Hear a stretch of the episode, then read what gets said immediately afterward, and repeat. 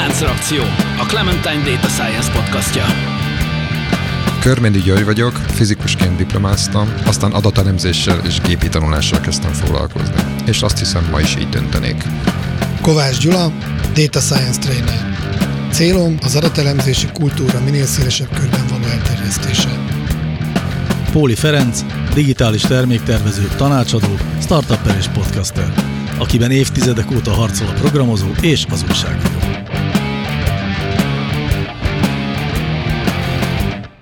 Szervusztok, kedves hallgatók! A Láncreakció podcastban minden résztvevő szája elé oda került a mikrofon, és felkészültem várja ezt a nagyszerű eseményt, amennyiben is immár 84. alkalommal feszülünk neki az adattudomány kérdéseinek. Most egy kis maliciózus, rendelős, tenyérdörzsölős adásra készülődünk éppen. Gyuri már nagyon vigyorog. Igen, kiéljük a kárörömünket. Káröröm, káröröm a terv.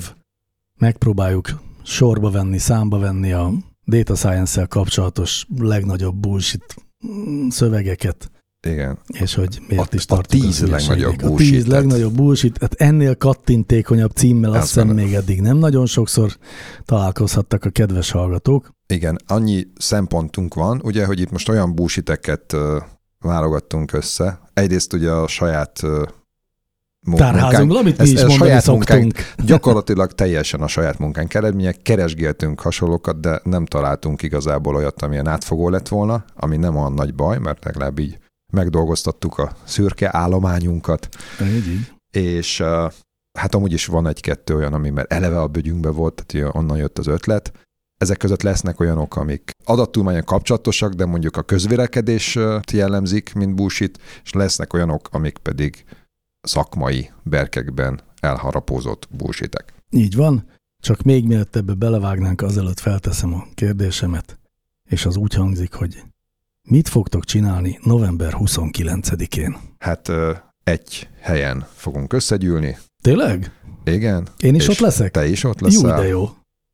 Az pedig a Context konferencia, ami a Clementine cégnek a szöveganalitikával foglalkozó szakmai seregszemléje, és mindenkit szeretettel várunk, aki fölmegy a honlapunkra, meg rákattint a sónozban megtalálható linkre, és ott regisztrál. Így és van, pusztán regisztráció. November 29-en a CEU-nak a rendezvény központjában a Nádor utcában. Így van, és nem árulunk zsákba macskát, ha eláruljuk, hogy nem, várja, akkor, akkor nem árulunk zsákba macskát, eláruljuk, tehát nem árulunk zsákba macskát. Jó, hogy az esemény egy nyilvános élő láncreakció felvétellel fog végződni. Igen.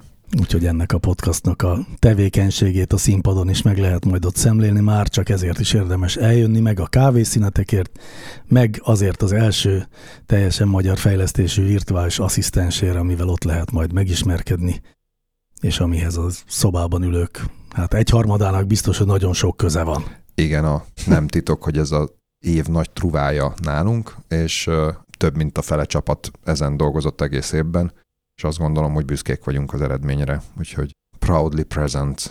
Nagyon szép, hát akkor, e, tehát akkor ezt csináljátok november 29-én, Gyula, te is? Hát, ha én meg vagyok szólítva, ha nem zavarok, akkor szívesen oda megyek, és akár be is ülök a podcastre. Jaj, de rendes vagy. Akkor tehát mindjárt ott találkozunk. Jól van, akkor kezdődjék a bullshitelés.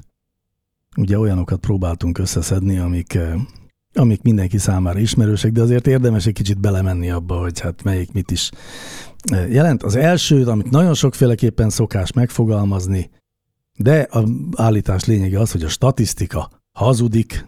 Ugye Churchillnek tulajdonítják azt a mondást, hogy csak abban a statisztikában hiszek, amit én magam hamisítok. Ezt ugyan Churchill nem mondta valóságban, még csak hasonlót sem, de de más, más egyébként állítólag igen, tehát hogy azért az ennek a mémnek a, a, tehát azért ezt lehet hova visszavezetni, de ugye a másik uh, hivatkozás, a, ami a angol száz uh, nyelvben található kifejezés, az a de magyarban is uh, átvettük ez a, ez a kis hazugság, nagy hazugság statisztika. Fedáksári csillagoség. Igen, és a harmadikat pedig szeretettel küldjük majd a témában vonatkozó kis videót, ami egy, a Hofinak egy örökbecsű sztoria, amit nem mesélünk el, mert viccet nem mesélünk meg, akkor is, hogyha már próbálkoztunk itt a podcastba, de többet nem teszünk ilyet. Nézzétek meg, vagy hallgassátok meg, zseniális. Igen, de az alapvetően a szocialista statisztika működés módjáról és Igen. az ebből fakadó nagy-nagy éhességekről. Igen, hát ez az, szóval... múltkor, ugye mert ecseteltük egy picit, egyébként a múltkori témába is belevágott, ugye ez a, a, a nem demokratikus szervezetek, vagy államoknak a, a statisztikai működése. Így van. Na és hát akkor mit gondolunk arról, hogy a statisztika hazudik?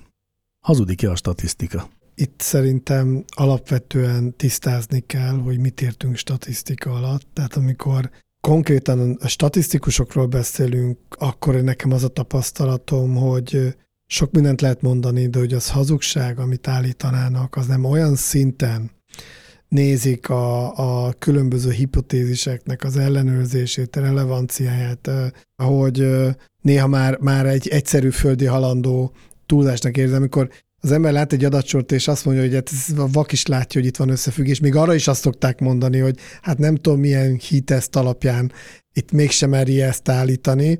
Ezen a szinten én úgy gondolom, hogy ez egy nagyon komolyan megalapozott terület, amire szerintem az emberek gondolnak, hogy amikor a statisztika és a politika összemosódik, tehát akkor az emberek elkezdenek szkeptikusak lenni, akkor halljuk, hogy, hogy mennyi az infláció, és az ember saját magán is érzi, hogy mennyi, és sokszor nem egyezik a két szám, akkor azonnal azt mondják, hogy ja, ismerjük. Ezeket a statisztikákat ismerjük, holott egyébként meg még, még akár lehetnek is igazak ezek a, az értékek, mert az emberek, hogy mit éreznek az ő saját költésük alapján, meg mi egy tényleg egy, egy lefektetett alapelvek alapján kiszámolt infláció, az nem kell, hogy törvényszerűen megegyezzenek, de az ember mégis azt mondja, hogy mivel köszönő viszonyban nincs a kettő egymással, biztos hazudnak.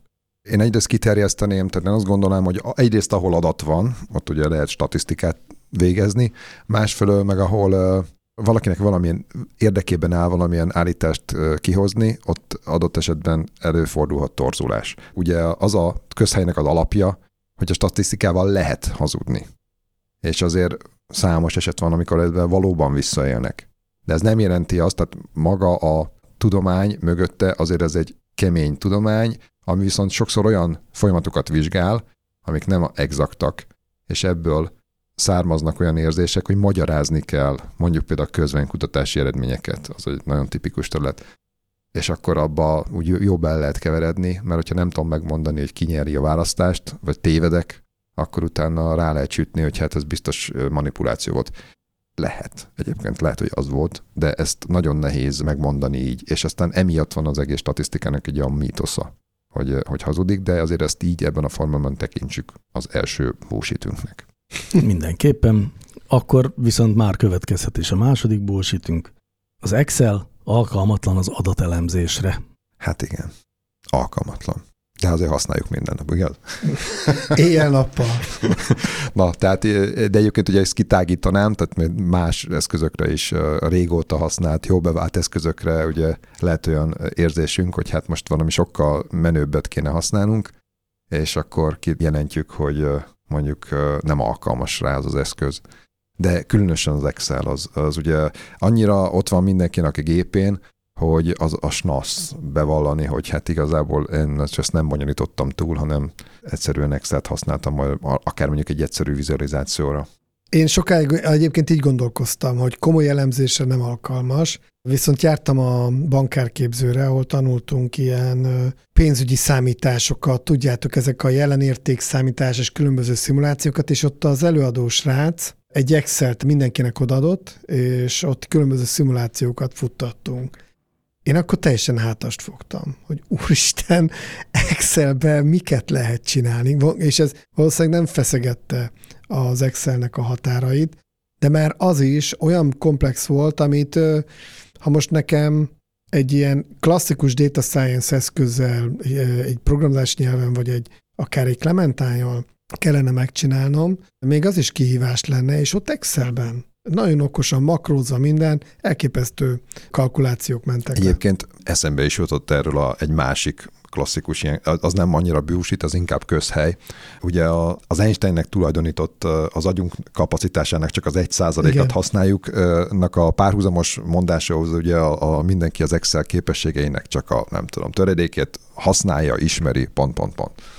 Igen, de hát az mondjuk igaz, mint ahogy az is, hogy az Excel mindenre is alkalmas, mint egy korábbi láncreakcióból kiderült, lehet azzal például képet is festeni, hiszen egy japán nyugdíjas Excel cellák színezgetésével rajzolt gyönyörű festményeket, és amikor megkérdezték, hogy miért, akkor azt mondta, hogy azért, mert ez volt a gépén. Ennyi. Ennyi. De ez egy kicsit, ha emlékeztet, amikor megkérdezték az világ egyik legnagyobb hegymászóját, hogy mi az Úristen motiválja, hogy megmászta a 8000 méteres csúcsokat, és eh, annyi volt a válasz, mert ott van a hegy. Edmund Hillary, és konkrétan az Everest-tel kapcsolatban. és úgy hangzott, hogy mert ott van. Mert ott van. Ne tagadjuk el azt, hogy a, az Excelnek van, tehát az a big datára talán tényleg nem alkalmas, de arra sok minden nem alkalmas. Arra egy MySQL sem feltétlenül alkalmas, ugye? De azért egy csomó hétköznapi elemzése meg tökéletesen megfelel. Na nézzük a következőt. Ez már a harmadik. Én már a harmadik. Jön, jön az jöjjön adattudomány 80%-a az egyhangú és unalmas adattisztítás, amit minden adattudós gyűlöl. Ez tulajdonképpen ugye már itt a többedik, itt megengedtük magunknak azt, hogy itt azért természetesen itt is az igazság magja benne van, tehát az, hogy az adatbányászati, adattudományi, gépi tanulási, modellezési folyamatnak a nagy részét a, a gyakorlati munka során az adattisztítást teszi ki, illetve ilyen number crunching, tehát ilyen adatgyurmászás, az egy baromi nagy közhely, igaz, de egy baromi nagy közhely magában, és ez tényleg tághatárok között, de alapvetően jellemző, hogy domináns részét valóban ezt teszi ki. De. Ehhez a de előtt még hozzátenném, hogy hogy igaz, de. Máshogy de. Én most beszélgettem olyanokkal, akik nagyvállalatban már ezt az agilis metódust használják, és most úgy módosítanám, hogy 80% most már a meeting. Ezeknél a projekteknél.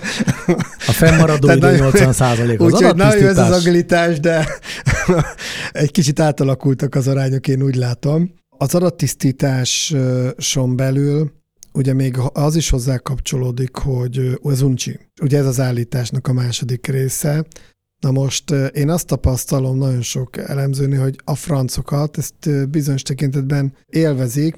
Gondolatunk itt egyrészt arra, hogy nagyon sok adatelemző mondjuk ki, hogy introvertált, tehát egyszerűen ilyen alkat, és jól érzi magát, hogy gép előtt pötyög. És az adattisztítás az olyan, amikor az embert úgy békén hagyják.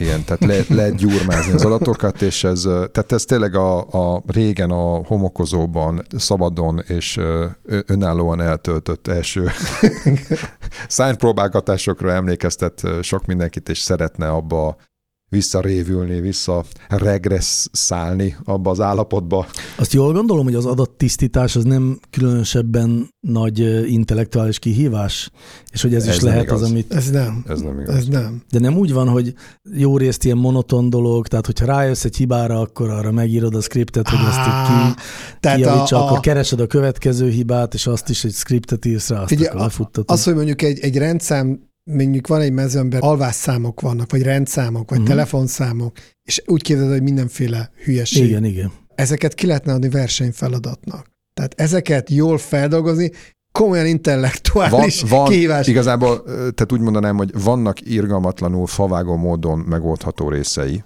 ez kétségtelen. És egyébként itt van egy diszkrepancia, tehát vannak, akik ilyen nagyon agyas módon próbálják ezt a favágást megkerülni. Egyébként uh-huh. bizonyos esetben egyszerűen nem lehet megkerülni meg egyébként szerintem itt még ilyen kicsit az a maszkulin-feminin ellentpár is létezik, mert azért léteznek azok a alapvetően fiú és igazából jellemzően kódolók, akik tuti akarnak valami vajákos kódot, és inkább két hétig kendácsol a kódon, mint hogy letegye a fenekét, és három nap alatt végbogarásza azt a 1200 rekordot, és kijavítsa. Szóval visszatérve a kérdésedre, ez, ez tud nagyon érdekes lenni, de máshogy. Tehát azon agyalni, hogy már a esetek 99%-át lekezeli a különböző if-eid, meg elágazásaid, de még mindig van három olyan eset, hogy szinte úgy érzi a, a, a programozó vagy az adatbányász, hogy direkt vannak ilyen mókás emberek, akik kitalálnak valami olyan elírást, amire ember nem gondol, de még én ezt is kiavítom, mert találok rá valami algoritmust, ami még ezt is tudja kezelni. Ez tud nagyon kreatív lenni, szakasza lenni, és ott tényleg az emberek el vannak, Olvastam is egy nagyon jó hasonlat, ez a Stockholm szindróma a, projekten belül, amikor a, el, akiket elraboltak az emberrablók, azok megszerették a elrablóikat, és ezt gondolom arra értették, hogy amikor először belekényszerítenek, hogy adattisztítás, akkor úgy érzed, hogy el vagy rabolva, nem ezért lettél adatbányász, és aztán minél többet csináld, egyre inkább megszereted ezt a részét. Igen, azért is kérdeztem ezt az intellektuális kihívás részt, mert el tudom képzelni, hogy az a tevékenység, ami nem használja fel a, az intellektuális kapacitásod száz százalékát, viszont így monotonul kell csinálni egy napon át, az tud lenni ilyen, ilyen nyugis, pihentető, nincs benne nagy felelősség, csak csinálod, aztán arra kell figyelni, hogy mindig ugyanakkor nyomd le ugyanazokat a gombokat ugyanabban a sorrendben. Én ezt szoktam érezni, amikor egy olyan részéhez ér a munkám, amikor tényleg ezt ilyen nagyon-nagyon mechanikusan kell valamit csinálni, és akkor abban úgy egyrészt tudom, hogy mindenki hősnek tart, hogy ezt én megcsinálom, másrészt pedig én meg azt érzem, hogy hát ez nem olyan nagy kihívás, és közben az agyam még erre-arra el tud kóricálni. De akkor értem, hogy másfél meg ez nagyon is, hogy pont, hogy, hogy szép részei is tudnak lenni. És ne felejtsük el, hogy a végső cél mondjuk az, hogy egy jó prediktív modell legyen, és aki már rutinos, tehát már nagyon sok projektet csinál, az azért tudja, szem előtt tudja, hogy ha jól, jól feldolgozza az elején az adatokat, jól megtisztítja, az, az mennyit tud dobni az a modell minőségén. Tehát ez a tudat, hogy, hogy, hogy tényleg ha ezeket végig csinálom, akkor ezzel többet fogok javítani a végső modellen, mint az összes különböző paraméterezési eljáráson, ami létezik később a különböző algoritmusoknál. Ez is egy, egy olyan része ennek a munkának, ami miatt meg lehet szeretni. És hogy mennyire a Stockholm szindrómával jellemezhető ez, a, ez az állapot, az, hogy nem csak az adat, magával az adat tisztítással lehet végtelen időt eltölteni, hanem még az erről való dumálással is, úgyhogy menjünk tovább. Jó van, hát ha már arról beszélgettünk, hogy mik a kevésbé unalmas és unalmasabb része a munkának, az adattudománynak, akkor itt a negyedik bullshit. Az adattudomány szexi. Nem, nem, nem, nem, nem, nem szexi, hanem a legszexibb job, a, a munka a 21. században. Igen, tehát, tehát ennek több, több fajta e- előfordulása volt, de valóban ennek van egy klasszikus előfordulása, ugye egy 2012-es cégben, ami a legutóbb a kürtös felvételen, podcaston előkerült egy, egy, egy szélesebb körben, és ott a Mester Tomi ezt elég jól elmondta, mert ő ennek annak idején utána ment a, a sztorinak. Ugye én elolvastam a cikket, és tök lelkes voltam, hogy hogy milyen jó kis cikk volt bő tíz évvel ezelőtt, mert a szerző is marha lelkes volt. Aztán kiderült a mestertől, utána nézett, valójában egy statisztikai munkát hirdettek volna meg, de tudták, hogy kérják, hogy statisztikus keresünk, a kutya nem jelentkezik rá, és kitalálták ezt a kifejezést, hogy data scientist, hogy, hogy ez jól hangzik, és hozzáírtak leírásokat, meg cikkeket, hogy ez mennyire jó pofa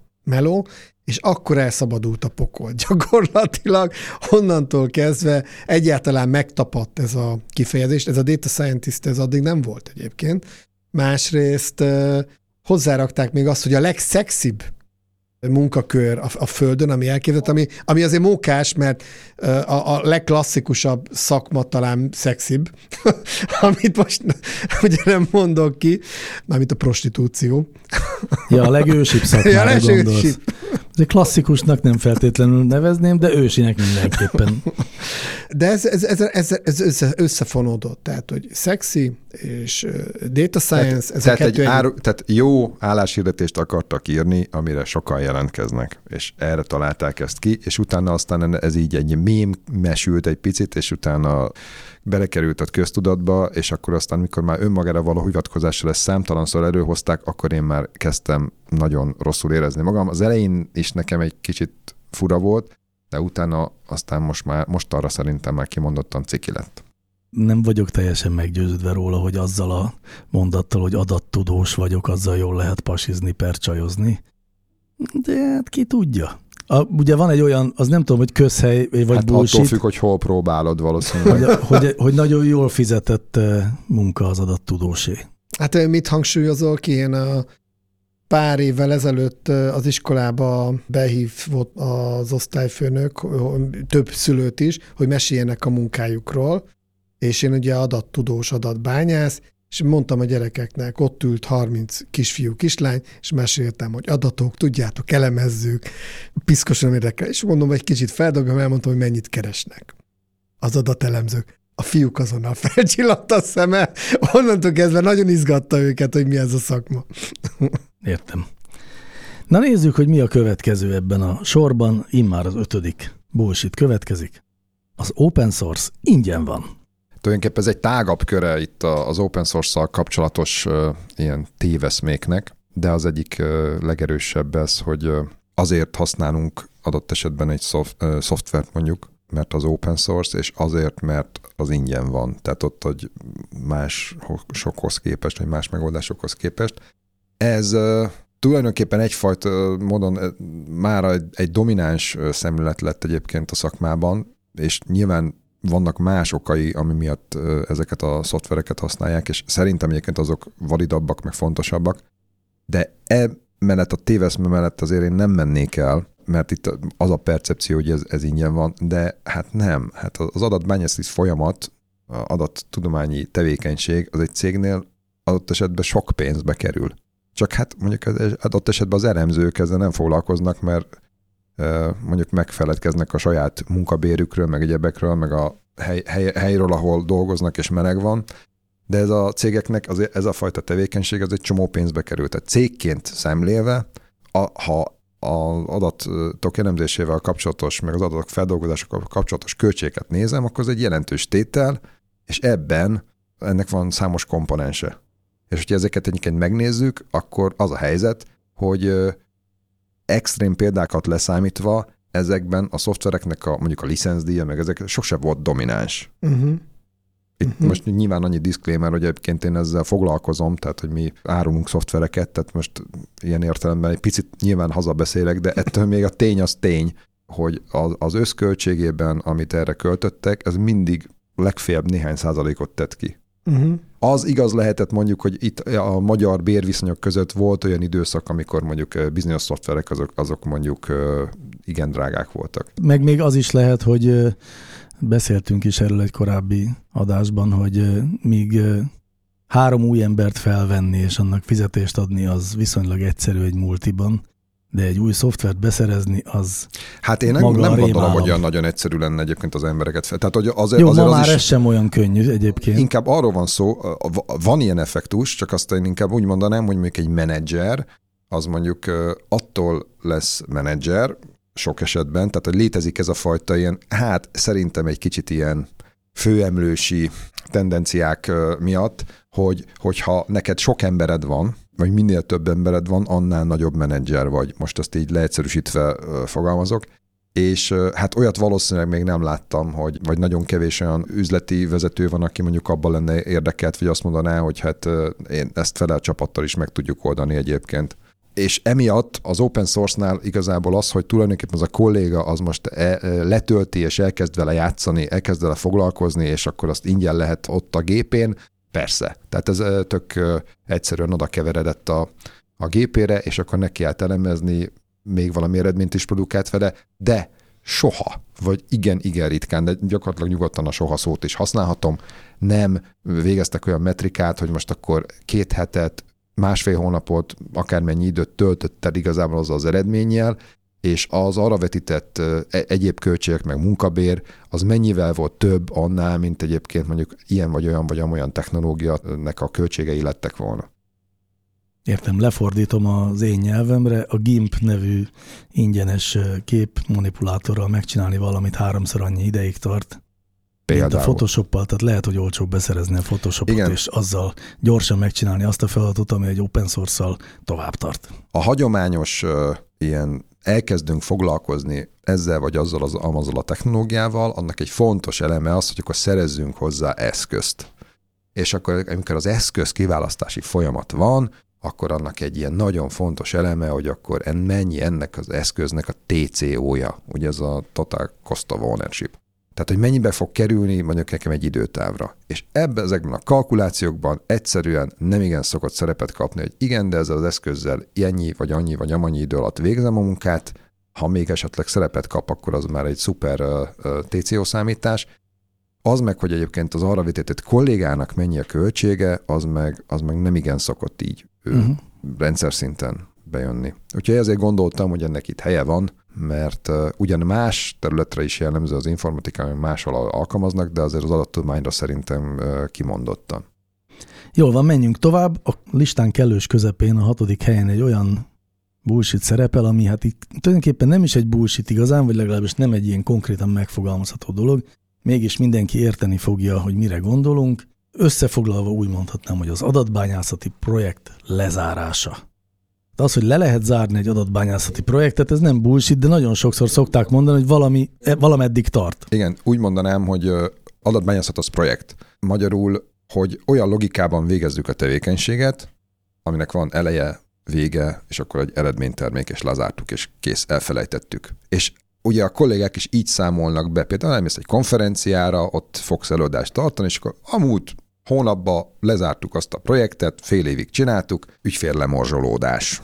És akkor beszámol róla, hogy milyen eredményeink vannak, egyebek. Na most ez egy persze annak, annak van egy ok és célszerűsége, hogy ezek miért így zajlanak. Én és nem is akarom a világot ilyen értelemben megváltani, hanem csak arra akarom felhívni a figyelmet, hogy ez egy önkényes nézet, és valójában adat elemzési tevékenységet azt valójában túlnyomó részt nem azért végezzük, hogy érdekes összefüggéseket állapítsunk meg. Meg nem is azért végezzük, hogy előtte az adatokat rendbe tegyük. Nem ezért végezzük. Ezek szükséges lépések. Valami azért végezzük, hogy a vállalati folyamatainkat hatékonyabbá tegyük, vagy azért végezzük, hogy olyan folyamatokat alakítsunk ki, amelyek hatékonyabbak, gyorsabbak, simábban működnek, és ezzel, ezzel mondjuk a jövőben más, hogy működjön a cég, mint korábban. Tehát alapvetően a, a távlati cél az ez. Az más kérdés, hogy ez nagyon sokszor sérül, meg nem valósul meg. Ennek kéne lenni ugye a távlati célnak. És ezek, hogyha ezt a tevékenységet ezt projektként, és nem pedig folyamatként tekintjük, tehát ugye ennek a, az ellentét párja a, a projektnek ebben a kontextusban a folyamat. Tehát magyarul megcsinálok egy modellt, azt beillesztem a vállalati folyamatokba, átalakítok folyamatokat, és akkor ott automatizálok, kialakítok egy működést, ezzel persze máshogy fog innentől kezdve működni a vállalat.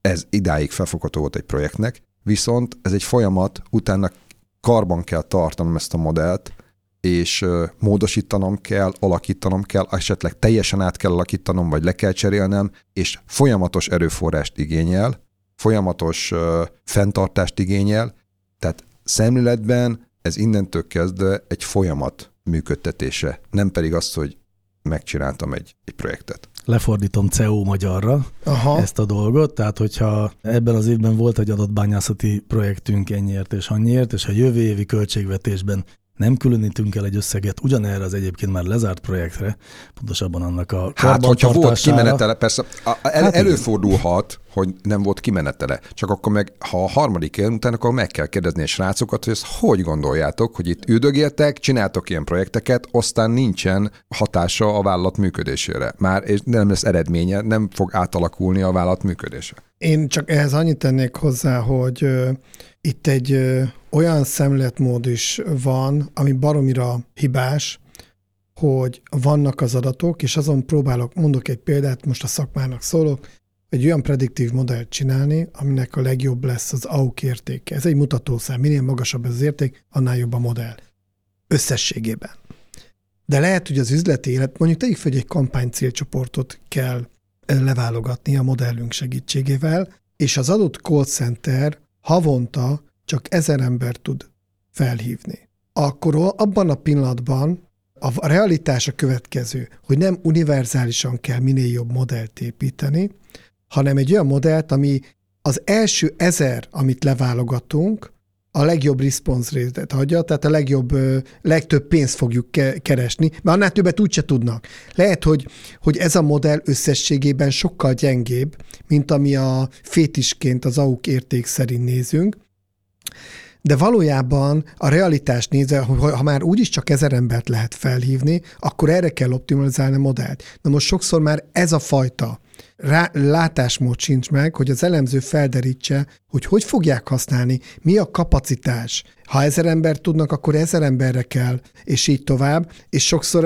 ez miatt se lesz használva, mert pont tegyük fel, pont ennél a példánál már Madarra, pont az, ezer, az első ezernél nem, nem sokkal jobb, mint amit eddig is a call center igazgató a saját ösztönös leválogatásával össze tudott rakni, és azt mondja, hogy ezért fizettünk egy csomó pénzt, amikor alig jobb, mint amit én is tudtam eddig. Tehát rengeteg aspektusa van annak, hogy bekerüljön a rendszerbe, és később ez működjön, ami most jelenleg nagyon sokszor hiányzik. Jöjjön a hetedik, ami így szól, Szenior vagyok. Csak még nem csináltam üzletileg hasznosított modellt.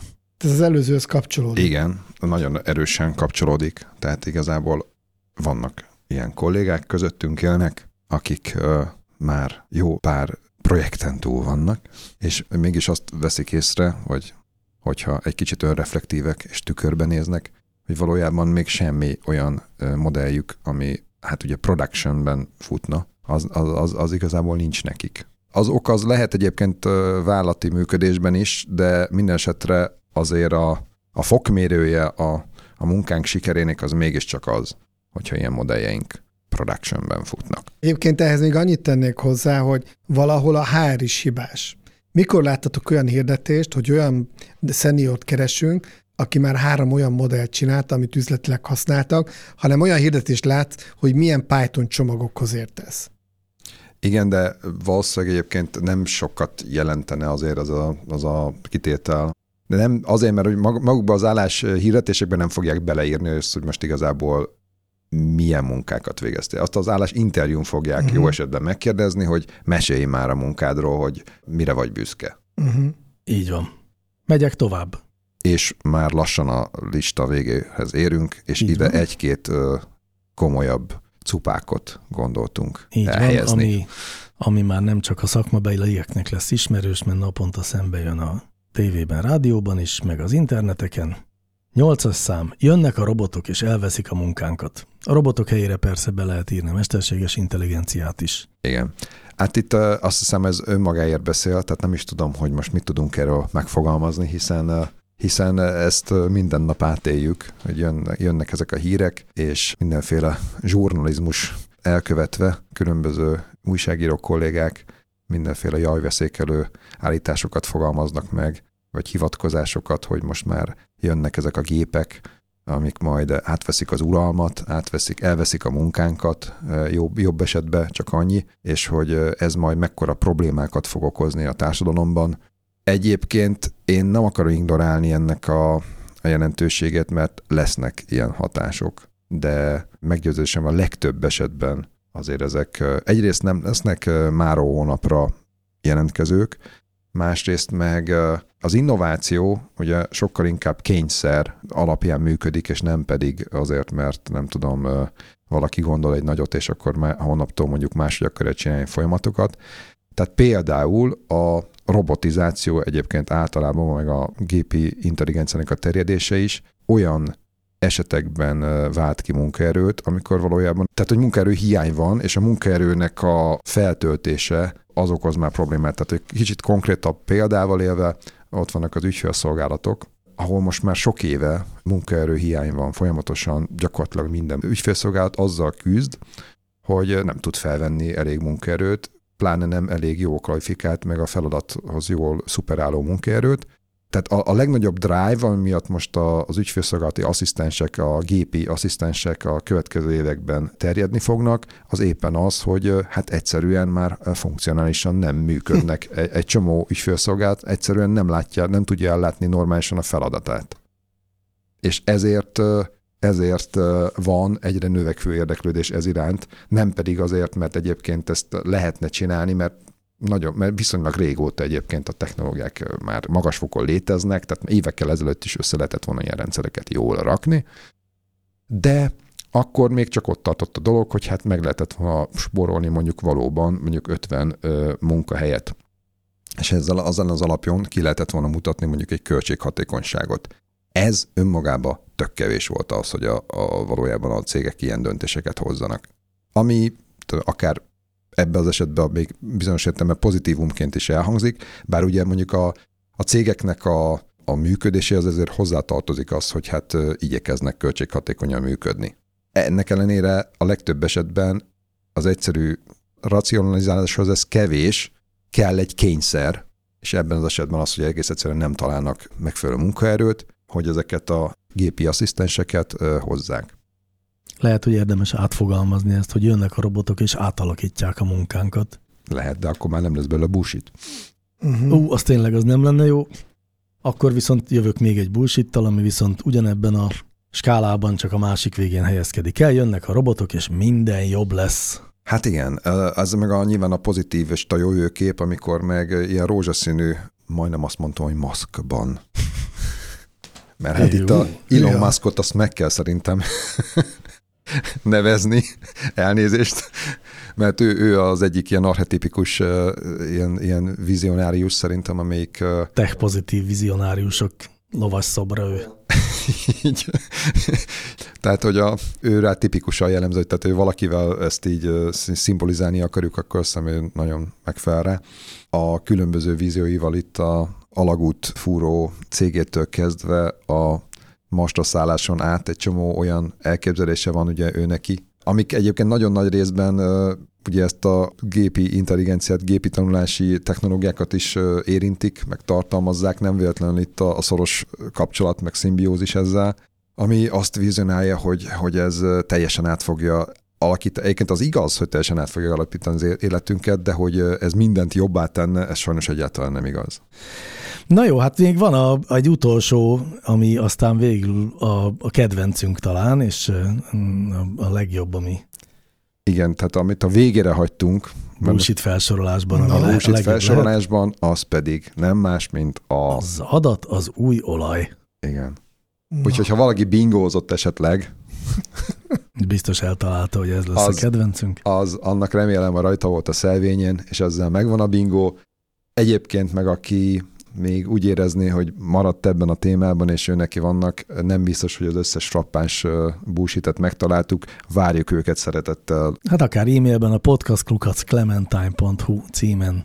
Na és hát az adat az új olaj, talán nem vagyok egyedül, még itt a szobában sem, akit ez már ideje irritál, ez a mondat, ami ugye rendszeresen elhangzik még sajnos most is, bár azt hiszem, Gyula, neked volt egy nagyon jó megjegyzésed. Igen, hogy... a talán azon lehet lemérni legjobban ennek a mondatnak a, ahogy is mondjam, az inflálódását, hogy kik mondják. 10-15 évvel ezelőtt még egy data scientist, hogy is mondjam, tehát nem volt ciki.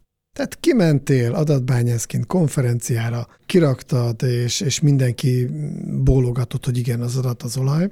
Aztán egy idő Ez után... ugye az első szlájdoknak igen, a... Igen, a...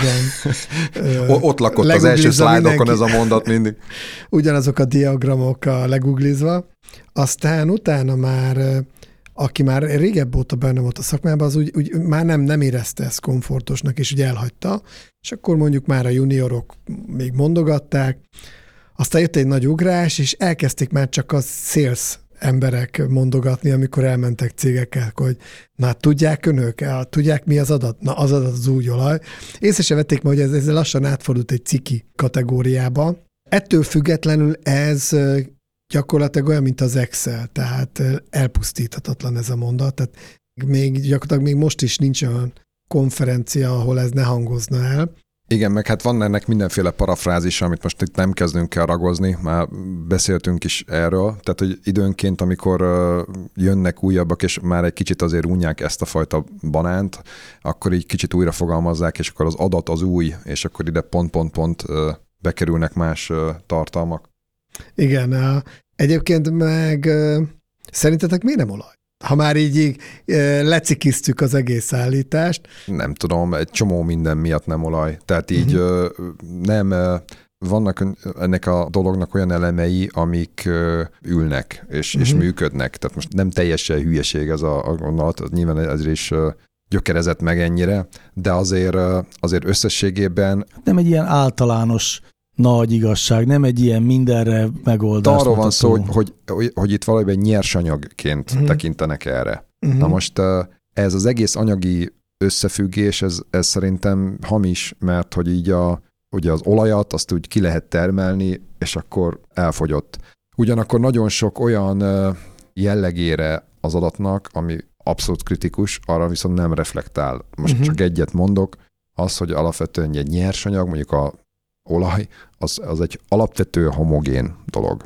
Uh-huh. Vannak belőle különböző minőségek, meg fajták, de az egy valami homogén valami. Az adat az nem homogén, és ezt nagyon-nagyon sokszor el szokták kenni. Az adatnak az óriási része az tökértéktelen. Pontosan, ez a kulcs. És akkor, ez a kulcs. És akkor vannak egy kicsit értékesebbek, meg aztán megint egy kicsit értékesebbek, de jellemzően ezekből mindig egyre, egyre, egyre kevesebb van, és a végén a legértékesebb adat az meg elfér egy pendrive-on jellemzően. Egy a, nagy vállalatnál. Tök jó, hogy ezt kimondtad. Én is ezt látom, beszélgettem olyanokkal, akik tényleg big datával foglalkoznak, és minden elmondja, hogy töredékét, tehát ilyen tényleg töredéke az, ami, amit egyáltalán elemeznek, feldolgoznak, megkapják az elemzők, és ott állnak halmokba a gigantikus tömegek. Nagyon érdekes az, hogy kidobni nem merik a cégek. Ez a jó lesz még valamire. Hát ugye, ugye az egész big data innen jött, hogy volt a baromi sok adat, amit azért klasszikusan nem olyan storage nem olyan tárolókon tárolták, mint otthon mi a rajzfilmet, hanem ott mindenféle épülési szabványok léteztek erre, amiknek megfelelően ezek a különböző meghajtók, ezek meg tároló kapacitások, ezek sokkal drágábbak voltak, mint az otthon használt diszkek és ezért volt ez a nagy áttörés, hogy a, a big data-nak tulajdonképpen az alapja az a technológia, ami lehetővé teszi, hogy elosztva ezeken az olcsó tárolókon megfelelő biztonsággal tudjuk egyszerűen tárolni ezeket a különböző ömlesztett adatainkat, és itt jellemzően megint mi a legfontosabb? A webes ö, ö, tartalmak, tehát a weblogok. Pontosan. Ugye ez, ez a domináns része tulajdonképpen a mai napig, illetve most már ugye kicsit tágabban a internetes kommunikációban termelődő, tehát most itt az IoT Pontosan. eszközöknek, meg az összes kütyűnek a, a különböző tevékenységének a, a nyoma. Na most ezeknek a értéke az, az úgy összességében, vagy, vagy fajsúlyra rendkívül kicsi. Uh-huh. Rendkívül kicsi. Vannak olyan aspektusok, amikor ez érdekes lehet, de összességében ez nagyon kicsi. Uh-huh. Viszont ha nyilván, hogyha nem tároljuk el őket, akkor azzal gond van, és hát egy pszichózis is kialakult ezzel kapcsolatban, hogy hát ebbe hatalmas érték van, uh-huh. és tároljuk el. Tehát, tehát nagyon sok éven keresztül a döntéshozóknak nem nagyon jól lehetett érvelni, hogy hát pedig el kell tárolni, tehát valahol el kell tárolni, kellenek rá megoldások, kellenek rá rendszerek. Úgyhogy most értünk el oda, hogy most aztán irgalmatlan ilyen datalékek meg egyebek vannak, ott nagyon sok adat van, de hát, hogyha most a, a hatalmas nagy sikersztorikra kell bebeszélni, hogy, hogy ezekbe aztán milyen értékteremtés zajlik, hát akkor azért Persze az adatokra épülve mindig vannak, és egyre több a jó projekt, meg a, a jó modellek, meg az érdekes modellek, de ha ezt megnézzük, hogy ezek valójában eredendően mire alapulnak, a legnagyobb többsége az adatoknak egy nagyon kis körére fog épülni. Ezzel megtaláltuk talán a, a legnagyobb bullshit és hogy ha csak a kedves hallgatók nem küldenek nekünk még nagyobbakat, vagy a november 29-én a Context 2022 konferencián személyesen nem mondanak nekünk ilyeneket. Nem akarunk ott eredményt hirdetni, hogy mi volt a legjobb bullshit, Hát, hogyha küldtem? kapunk még, akkor természetesen elmondjuk majd a ott felvett Igen. nyilvános adásunkban. Minden esetre mi ezt a tizet találtuk fontosnak, köszönjük, hogy meghallgattátok őket.